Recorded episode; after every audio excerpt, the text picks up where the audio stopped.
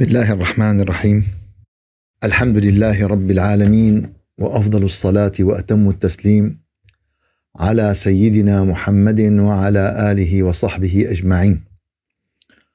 اللهم لا علم لنا إلا ما علمتنا.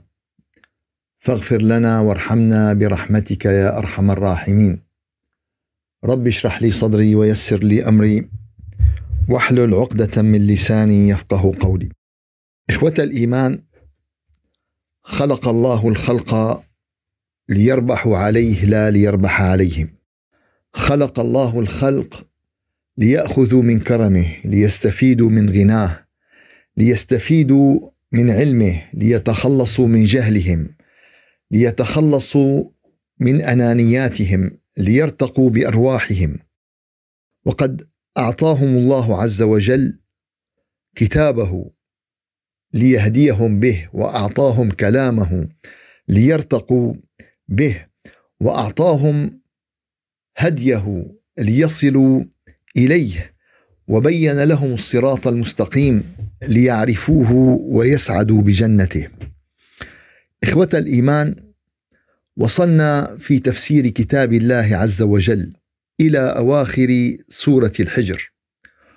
وسورة الحجر ذكر الله فيها كثير من الحكم ذكر الله فيها كثير من قصص الأمم السابقة ذكر الله فيها كثيرا من العبر وختم هذه الآيات بأمر جلل وعظيم بأنه هو الخالق.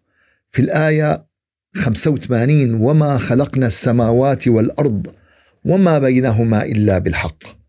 فالحق هو المسيطر في هذا الكون. الحق هو الأساس في هذا الكون. وأما ما نراه من زيف وباطل فهو عرض سيزول عما قليل. فما خلقنا السماوات والأرض وما بينهما إلا بالحق وإن الساعة لآتية.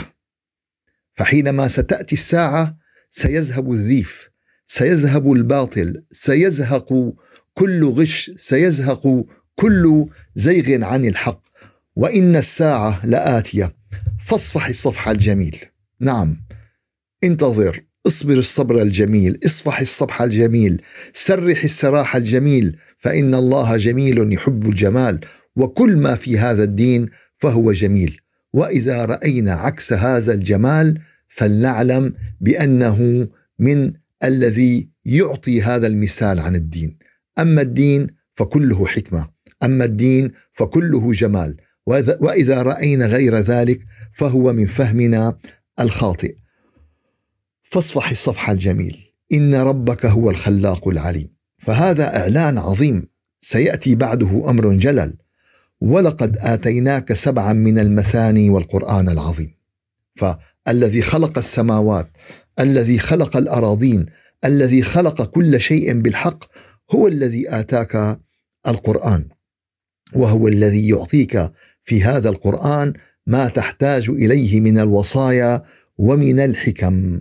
فأول وصية لا تمدن عينيك إلى ما متعنا به أزواجا منهم لا تغرك الدنيا. أعطاك الله القرآن أعطاك الله الإيمان فلا تنظر إلى من أعطاه الله أمورا أخرى في هذه الدنيا الزائلة في هذا المتاع. نعم الدنيا متاع لأنها ذاهبة لأنها ليست آه، امرا باقيا لأنها ليست سعادة باقية. وكل ما هو مؤقت له ألم لأنه سيزول. إلا إذا جعلت هذه الدنيا التي بين يديك تتصل بك إلى الآخرة. جعلت هذه الدنيا قوتها مالها منصبها شهادتها سعادتها وصلتها في الآخرة. فكل كسب في هذه الدنيا لا يصل بك إلى الآخرة فهو كسب زائل فهو متاع زائل. عندك ابن جميل ذكي فهيم بتحبه بس ليس له مع الآخرة طريق. فهذا كله خسارة بخسارة. عملك اذا ماله مع الآخرة طريق خسارة بخسارة. مالك صحتك عافيتك وقتك جهدك ذكاك علمك شهاداتك هذا كله بدك تجيره للآخرة. ولقد آتيناك سبعا من المثاني والقرآن العظيم. لا تمدن عينيك إلى ما متعنا به أزواجا منهم ولا تحزن عليهم. شوف والله مآل الخاسرين مآل الكافرين مآل قال لا تحزن عليه. كل شيء مبين كل شيء واضح. هذا الأمر هو الشيء اللي اختاره هذا هو إيش؟ هو اللي اختاره خاف وزعال إذا بلغته أو ما بلغته. خاف وزعال إذا أديت واجبك تجاهه أو ما أديت واجبك تجاهه ولا تحزن عليهم رغم عادوه ورغم حاربوه للنبي ورغم تكلموا عليه وفعلوا ما فعلوا ومع ذلك حزن عليهم ليش؟ لأنه عرفان قديش الآخرة كبيرة ليش؟ لأنه عرفان قديش الدنيا تافهة ليش؟ لأنه عرفان شو باعوا الرخيص بالغالي واخفض جناحك للمؤمنين وصية للنبي عليه الصلاة والسلام. ولكل مؤمن من بعده ولكل إنسان أحب الله عز وجل. وصار في طريق الله. قال شو؟ قال اخفض جناحك للمؤمنين. قال أنت معك بي اتش دي وجاك طالب بصف الأول. قال بتعامله بلطف بتعامله بتواضع. ب... يوما ما هالطالب بيكبر وبصير بيقول لهم بتعرفوا والله يعني صار لي 40 سنة وما زلت أذكر هذا الأستاذ اللي أنا اجتمعت فيه بحياتي. ما زلت أذكر مواقفه ما زلت أذكر لطافته ما زلت أذكر تواضعه. فهاي هاي الروائح الذكية هي ما بتتخبى. أما لسه بتلاقي الواحد ابن امبارح شايف حاله هو صار وتصور لا يا أخي لا يا أخي ملء السنابل تنحني بتواضع.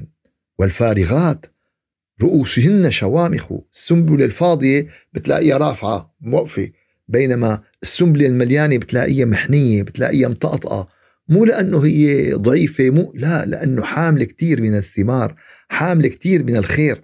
الشجرة الفاضية بتلاقيها مزهوة. أه والشجرة المليانة المثمرة بتلاقيها إيش؟ بتلاقيها مطقطقة بتلاقيها متواضعة بتلاقيها آه، منخفضة. يعني ألم ترى إلى الدخان يسمو بنفسه على طبقات الجو وهو وضيع؟ ألم ترى إلى القمر يظهر على صفحات الماء وهو رفيع؟ القمر قديش مكانه عالي؟ بس بتلاقيه طالع على سطح المي على سطح الجدول. نازل لا لا أوطى. متواضع ولكن هل هذا يقلل من جمال القمر ومن مكانه ومن رفعته؟ بينما الدخان شو بيساوي؟ بيعلي لفوق كل ما هذا بيعلي بيعلي أكثر وبيطلع أكثر فالتواضع صفة الأنبياء التواضع أخلاق المرسلين. واخفض جناحك للمؤمنين. فهذا التواضع الجميل هذا السمت بهذه الأخلاق نشر المسلمين الإسلام بكل أنحاء الدنيا. بهذه الأخلاق المحمدية وهذه الأخلاق القرآنية نشر المؤمنين رسالة الإيمان للقاصي والداني فانتشر انتشار النار في الهشيم. فها هو نابليون بونابرت قال عجبت للإسلام كيف انتشر في أصقاع الدنيا ب 25 سنة. هو قائد عسكري وفاتح عسكري وبيعرف قديش بدها لحتى تنتشر هذه الرسالة. وإنما انتشرت بالمحبة إنما انتشرت بهذه الأخلاق السامية. اليوم يعني الوردة الزنبقة الحلوة اللي طالعة ريحتها في حدا بيكرهها؟ في يعني إن كان شيوعي ولا ملحد ولا رأس مالي ولا كائنا ما كان كله بتلاقيه ينظر له الإسلام أجمل من ذلك. ولكن حينما نعرض هذا العرض الجميل واخفض جناحك للمؤمنين. قال إيه ولكن هذا التواضع وهذا اللطافه وهذه الأخلاق المحمدية لن تمنعك من أداء وظيفتك. في عندك وظيفة. شو هي الوظيفة؟ وقل إني أنا النذير المبين. شو؟ بدك تقول أنه أنا النذير المبين. نذير مبين خير إن شاء الله. من شو؟ نذير مبين من شو؟ قال نذير مبين بأن نغرق في الدنيا ونغفل عن الآخرة. نذير مبين أن نظن أن هذه الحياة أبدية ونغفل عن الموت. نذير مبين أن نظن أن كل ما هو من سعاده هو في هذه الحياة الدنيا. ونغفل عن السعادة الحقيقية التي ستكون في جنة الخلد والتي تكون في الخلود في جنة الخلد والتي تكون في النظر إلى وجه الله في جنة الخلد. نذير مبين من أمر عظيم. نذير مبين من أن آه، تدعك قوتك إلى ظلم الآخرين. أوعى. أوعى إياك ثم إياك أنك تظلم آه، حشرة أنك تظلم جاجي أنك تظلم عصفور أنه تظلم قطة أنه تظلم كلب أوعى. فما بالك أن تظلم بني آدم؟ ما بالك أن تظلم أحد من خلق الله عز وجل؟ وإيش؟ قال وقل إني أنا النذير المبين. فالله عم بيقول له قول أنا. نعم أنا النذير أنا عم بأنذركم عم أنذركم يوم يجعل البلدان شيبا عم أنذركم يوم سيقف فيه كل إنسان موقف المتهم عن كل صغيرة وكبيرة. وقل إني أنا النذير المبين. فرب العالمين بين أنه الإنذار هي من أهم مهام الأنبياء. أهم مهام الأنبياء. كان الناس أمة واحدة فبعث الله النبيين مبشرين ومنذرين. وأنزل معهم الكتاب بالحق ليحكم بين الناس فيما اختلفوا فيه وما اختلف فيه إلا الذين أوتوه من بعد ما جاءتهم البينات بغيا بينهم. فهدى الله الذين آمنوا لما اختلفوا فيه من الحق بإذنه والله يهدي من يشاء إلى صراط مستقيم. فالله بعث الأنبياء مبشرين ومنذرين وذكر ذلك في سورة الأنبياء في الآية 165 رسلا مبشرين ومنذرين لئلا يكون للناس لئلا يكون للناس على الله حجة بعد الرسل. وكان الله عزيزا حكيما. الله أقر ذلك بعزته. الله أقر ذلك بحكمته. فبدنا ننتبه لهذا الأمر ونتبين أن الله عز وجل قد كرر هذا الأمر. نرسل وما نرسل المرسلين إلا مبشرين ومنذرين. فمن آمن وأصلح فلا خوف عليهم ولا هم يحزنون. والذين كذبوا بآياتنا يمسهم العذاب بما كانوا يفسقون. فالتبشير والبشارة للناس اللي عم يبذلوا وقتهم في محبة الله. للناس اللي عم بيبذلوا وقتهم لخدمة الآخرين. للناس اللي عم بيبذلوا حياتهم في مساعدة الآخرين للناس اللي عم بيقضوا حياتهم بالصلاح والفلاح. كل عمل عملك في عيادتك عملك في محلك عملك في محلك عملك في بيتك عملك في مدرستك كل هذا عمل صالح. إذا نوينا منه رضاء الله عز وجل وإذا أردنا منه رضاء الله. في واحد بيقول لك يا أخي والله الإنذار يعني عم بتخوفنا. قال لا. قال لا قال نرسل المرسلين. وما نرسل المرسلين؟ إلا مبشرين ومنذرين. فمن آمن وأصلح فلا خوف عليهم ولا هم يحزنون. فليش أنت لا تكون من الذين كذبوا بآياتنا؟ يعني في هذا الطريق وفي هذا الطريق. في هذا الشيء المفيد. ليش أنت عم تختار هذا الطريق؟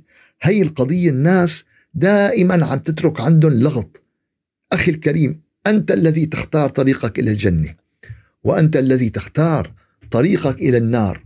قال طيب ومشيئة رب العالمين قال رب العالمين أعطاك الاختيار فإذا اخترت أتم عليك بمشيئته. أتم لك الطريق. بس أنت بدك تختار. أنت بدك تنقي. أنت بدك تقرر. أنت بدك تروح. يا بدك تضل على الصراط المستقيم يا بدك تروح على المخرج أو الإكزيت اللي بياخدك لطريق الضالين أو طريق المغضوب عليهم. أنت أنت بتساوي هالشيء هذا. فإذا اخترت الطريق رب العالمين بيعطيك بيعطيك بحسب إيش؟ بيعطيك بحسب اختيارك. فمن آمن هو آمن هو قرر يآمن وأصلح هو قرر يصلح قال فلا خوف عليهم ولا هم يحزنون.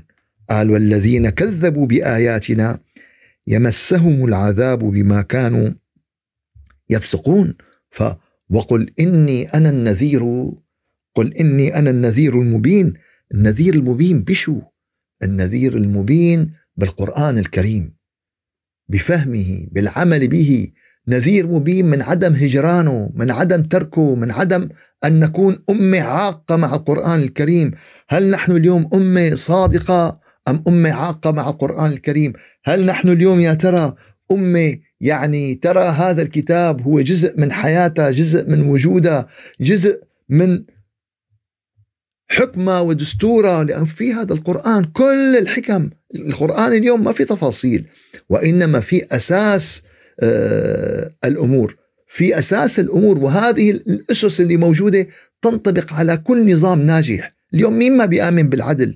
مين ما بيآمن بمساواة الناس؟ مين ما بي... مين, مين ما بيآمن يعني آه إن أكرمكم عند الله أتقاكم؟ مين ما بيآمن بهي؟ مين ما بيآمن يعني آه فاليوم لا تظلم نفس ولا تجزون إلا ما كنتم تعملون.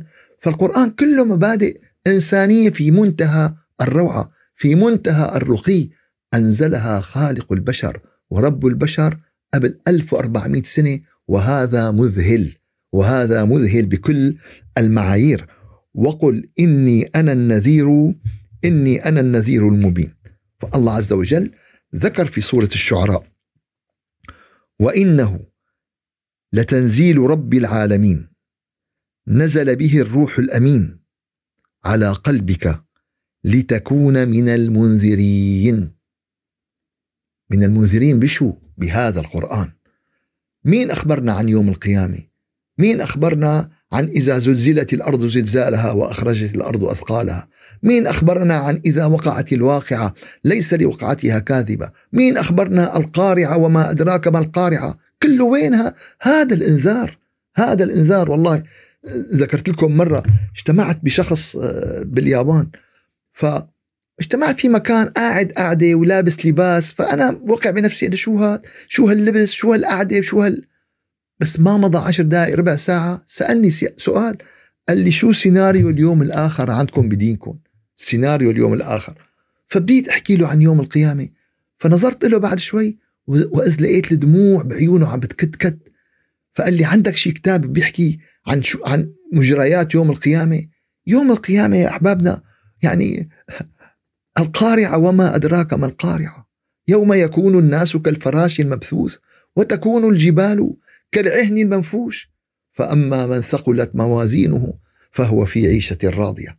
وأما من خفت موازينه فأمه هاوية وما أدراك ما هي نار حامية. هذا الإنذار. قال والله أخي أخي أنا باكل معه بشرب معه بروح معه سيارين وبجي. ما بنصحه؟ قال يا أخي ما برد. مخه سميك. ما قال له يا أخي شوف إني أنا النذير المبين. شوف يا حبيبي شوف يا أخي والله أنا بحبك.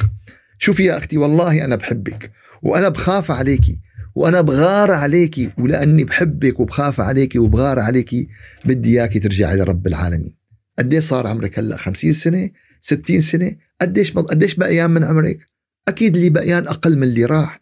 تعا يا أخي تعا يا عمي تعا يا خالي تعا يا يعني يا قريبي تعا يا كذا تعا يا جاري تعا يا صديقي. أما صديقك صار له 20 30 سنة إيه أخي؟ تعا اسمع الدرس. أخي أنا مو لازمني أسمع دروس. أنا بعرف ديني كله. طيب بتعرف دينك؟ بتعرف تعير آه، دواليب سيارتك؟ بتعرف تصلح سيارتك إذا لا سيارتنا إذا سمعنا صوت بنرقد دغري. دخيلكم خلي المكن سيان شفنا السيارة. يعني إذا سيارتك مالك عرفان تصلحها؟ عرفان أمور دينك وكتاب الله؟ الله وكيلكم يا جماعة. يعني أقولها والله تحدثا بنعمة الله عز وجل.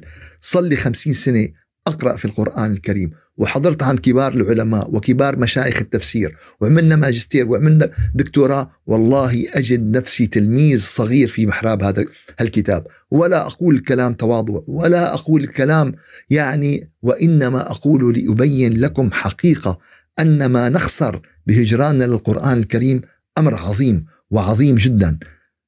وقل إني أنا النذير المبين. فالنبي عليه الصلاة والسلام نذير مبين. بشو قال بالقرآن الكريم؟ قال شو دليلك؟ شو دليلك؟ إذا قلت لنا أنه النبي بده ينذرنا بالقرآن الكريم. ورب العالمين بده ينذرنا بالقرآن الكريم. شو دليلك؟ قال دليلي ما ذكره الله عز وجل في سورة الدخان بقوله تعالى في مطلع سورة الدخان حامم إنا أنزلناه في ليلة مباركة إنا كنا منذرين. أنزلناه في ليلة مباركة. أنزلنا القرآن في ليلة القدر المباركة. نزل القرآن جملة واحدة من اللوح المحفوظ إلى بيت العزة في السماء الدنيا. أو بدأ نزوله إلى النبي عليه الصلاة والسلام على أحد على أي الرأيين أو أي التفسيرين. المهم أنزلناه في ليلة مباكرة مشان شو؟ ليش؟ قال إنا كنا منذرين. فيها يفرق كل أمر حكيم.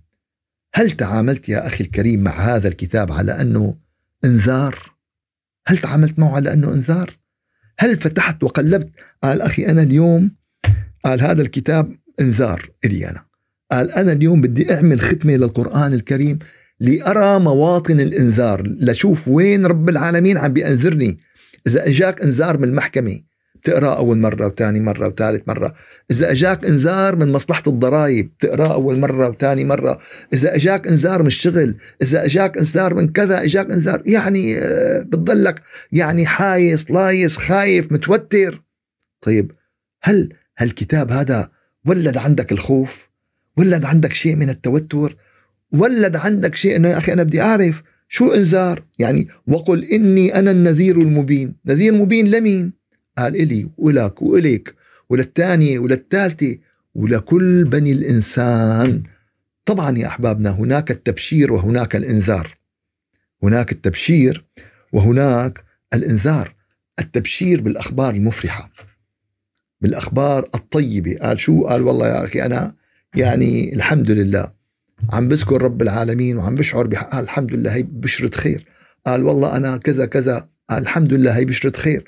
قال أنت شو؟ قال والله أنا يعني صلاة ما عم صلي قرآن ما بفهم. يعني إذا قمت للصلاة فبقوم وأنا كسلان. قال يا أخي القرآن قال لك وإذا قاموا إلى الصلاة قاموا كسالى. هي من صفات المنافقين. فهذا إنذار لكل أحد فينا. هذا إنذار يقيم وضعنا. وانتبهوا علي. شو يعني إنذار؟ شو يعني إنذار؟ مو معناته وقعت المصيبة لا معناته انتبه انتبه. شو ما الإنذار تبع الحريق إمتى يعني بيطلع الإنذار؟ بعد ما بيحترق البيت؟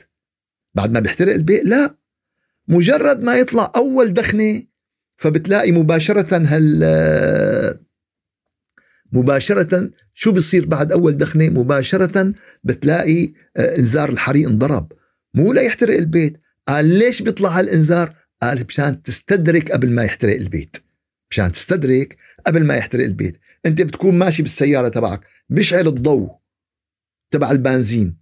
انه اعطاك انه العداد فاضي.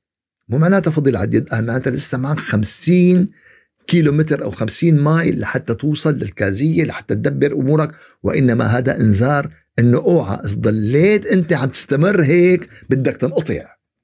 إذا ضليت أنت عم تستمر هيك فالإنذار فن. الإنذار بيان. قال والله أخي عملنا تحليل دم. قال انتبه أخي أنت الكوليسترول معك عالي. شو؟ قال إذا ضل هيك عم بيزيد هذا مشكلة بصير معك تضيق شرايين ممكن يصير معك كذا فالإنذار مو معناته إنه راحت عليك مو معناته لا. الإنذار هو بيان. الإنذار هو توضيح. الإنذار هو يعني آه، تنبيه للإنسان لكي يستدرك نفسه.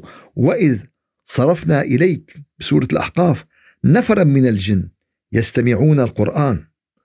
فلما حضروه قال أنصتوا. فلما قضي ولوا إلى قومهم منذرين. الجن كم قاعدة مع سيدنا النبي عليه الصلاة والسلام؟ قاعدة وحدة. وراحوا شو؟ راحوا دعاة إلى الله. منذرين منبهين. ابن آدم كم جلسة عم بيقعد قال صلي أنا 30 سنة. قال إيه عم تنبه؟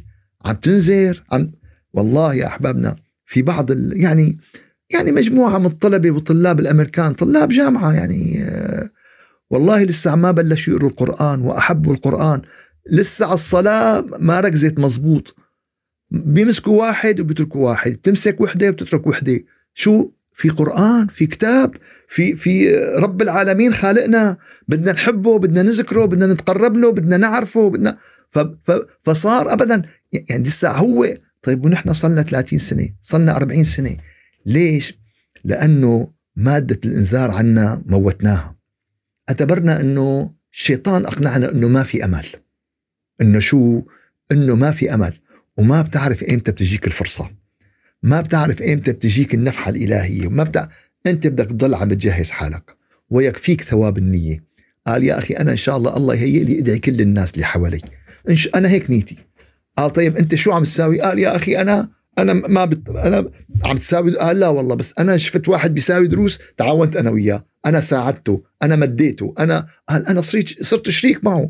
يعني اليوم أنت لك سهم بالبنك فأنت صرت شريك أنت اليوم لك سهم بالشركة. أنت صرت شريك بالشركة. صح أنت لا عم تروح تساوي شيء لا بس وإنما صرت أنت مساهم بهذه الشركة.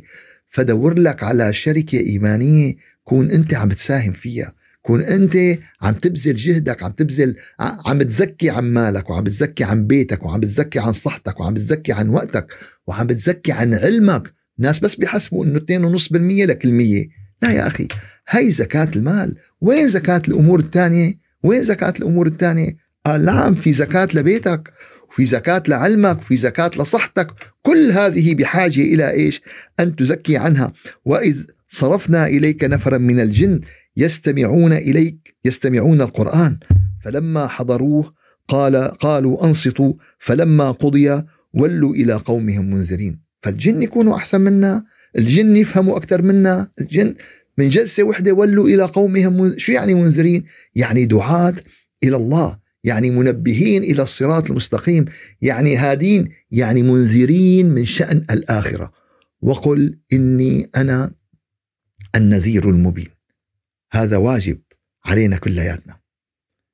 انذار من حولنا انذار أبنائنا بحكيك باللغة الحلوة وبحكيك باللغة اللطيفة وبحكيك كمان يوم الدكتور يوم الدكتور بيجيب لك يا فلان انتبه انت إذا بدك تضل عم تاكل سكر هيك وما تراقب السكر تبعك انت يا حبيبنا بدنا نضطر بكرة يا نقطع لك يعني مو ضروري تقول له والله اي بكرة حنقطع لك إيدك؟ لا لا لا لا. الانذار لا يعني اللغة القاسية. الإنذار لا يعني اللغة لا لا لا الإنذار يعني إنقاذ. كيف الطبيب يتعامل مع المريض؟ هكذا يجب أن نتعامل مع المنذرين. مثل الطبيب اللي بده يتحايل على المريض ليقنعه شوف يا أخي أنت ما بصير تضل هيك. سلام أنت لساتك شاب. إذا من هلأ بدي تحاليلك تطلع هيك شو بدك تساوي بعدين لتكبر؟ إذا من هلأ بدي ظهرك يوجعك وبدي ركبك يوجعوك وبدي كذا وبدي كذا فلغة الإنذار لغة فيها فن. فيها حكمه فيها معرفه. هذا ما فعله النبي عليه الصلاة والسلام. هذا ما فعله جميع الأنبياء والمرسلين في دعوتهم إلى الله عز وجل وفي تبليغ رسالة الله وفي تبليغ كتاب الله. وقل إني أنا النذير المبين كما أنزلنا على المقتسمين. قال شو؟ كما أنزلنا على المقتسمين. الآية 90 مين المقتسمين؟ قال طبعا التفاسير متعددة. في بعض التفاسير دغري قال لك يعني هم أهل الكتاب قسموا القرآن وكذا. يعني يعني نحن ما دخلنا. المسلمين نحن براءة. أهل الكتاب هن اللي قسموا. المشركين تبعات قريش هن قالوا هذا القرآن هيك وهذا القرآن. المقتسمين قال من هم المقتسمين؟ قال أول ما يفسر القرآن بالقرآن. لما النبي سألهم شو معنات خلق الإنسان هلوعا؟ منجيب مئة معنى ولكن أقوى وأفضل معنى تتمة الآيات. إذا مسه الشر جزوعا وإذا مسه الخير منوعا. هاي معنات الهلوع. هي, هي, هي توصيفه هي تعريفه. قال شو مين مين هن المقتسمين؟ ممكن نعطي تفاسير كثيرة ولكن أهم تفسير قال الذين جعلوا القرآن عضين. الذين جعلوا القرآن عضين. شو معنات الذين جعلوا القرآن عضين عضين هي جمع مفردة عضة ومعناتها القطع. قطعوه. قطعوا القرآن. كيف قطعوا القرآن؟ قال قطعوا القرآن طبعا على زمن الجاهلية. قالوا هذا سحر وهذا كذا وهذا مثل الكتب السماوية السابقة وهذا مخالف لك. ف فآمنوا ببعضه وكفروا ببعض. شو الخلاصة؟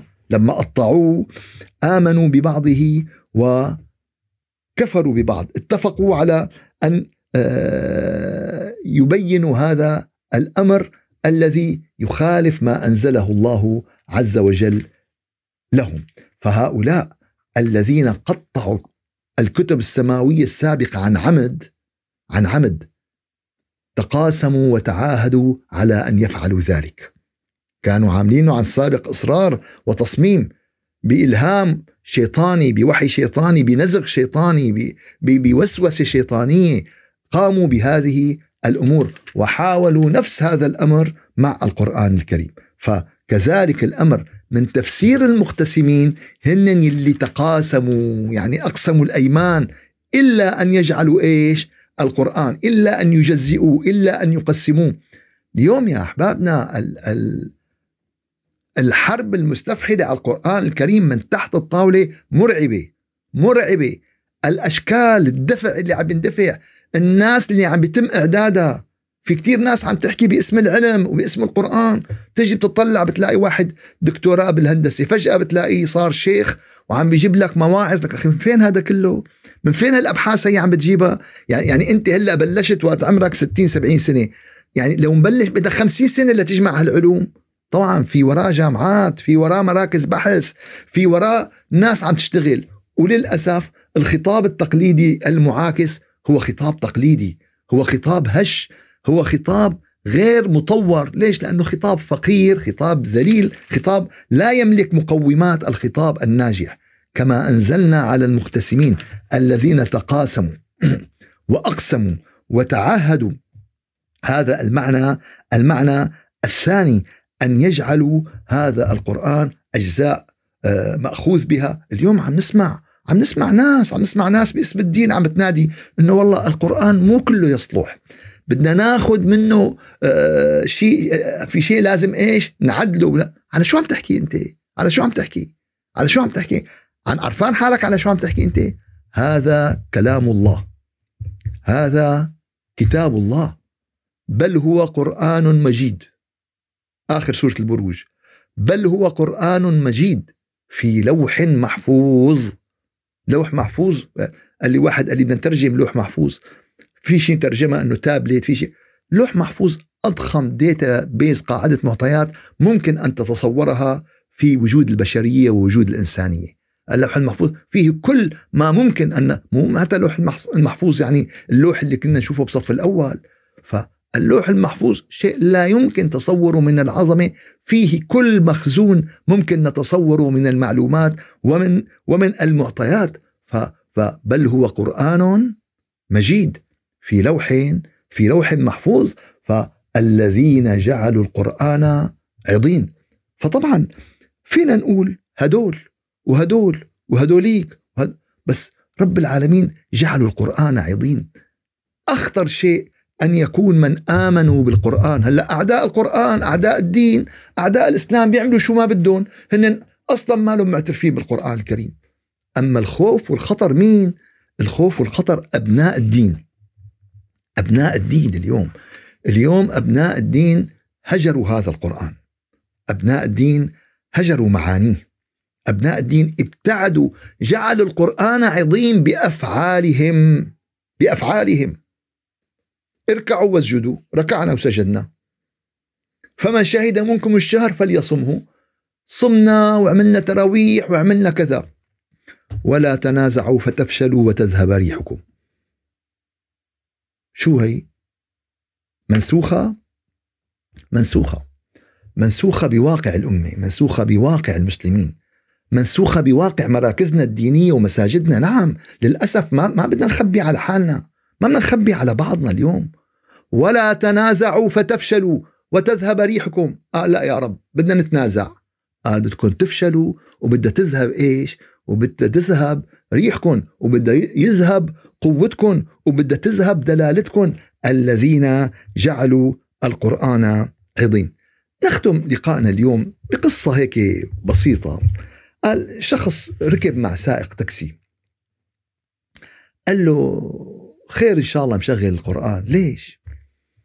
مات حدا؟ قال له إيه؟ قال له إيه؟ قال له شو مين مات؟ قال له ماتت قلوبنا. ماتت شو؟ ماتت قلوبنا. اليوم إذا واحد انسجن الله لا يورجيكم السجن ولا يخليكم تدردروا نواحي السجن. أول شيء بتمناه بس يحصل على نسخة قرآن كريم مشان يقعد يغوص بكتاب الله وشو اسمه؟ إذا واحد مرض وقعد بالمستشفى أول شيء بده إيش؟ بده بده قرآن كريم. إذا واحد يعني وقع هيك بأزمة وبضيق فبتلاقيه فزع إلى القرآن الكريم. طيب نحن اليوم لا لنا بسجن ولا لنا بمشفى والحمد لله ما لنا ببلاء ظاهر وواضح. طيب إمتى بدنا ننزل على القرآن الكريم؟ لنصير بالسجن؟ لنصير آه، بالبلاء؟ لنصير بالمرض؟ أو نصير آه، بالمستشفى اليوم نحن بهذا بأمس الحاجة لهذا الكتاب.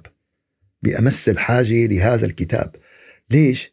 لأن الأمة سجينة. لأن الأمة مريضة. ليش؟ لأن الأمة اليوم ميتة اليوم. مات القرآن في قلوبنا. عم عم نحطه بس مظاهر. عم نهتم بالتجويد. عم نهتم بالدوكرة. عم نهتم وين الحقيقة؟ وين التعليم؟ وين مكارم الأخلاق؟ وين السلوك؟ وين المعلم اللي بده يحول كل هاد إلى حقائق؟ وينه اليوم؟ وينه؟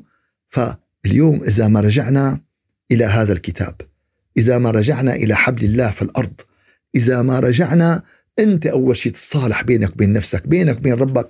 بسيك القرآن قل له يا رب والله أنا غلطان.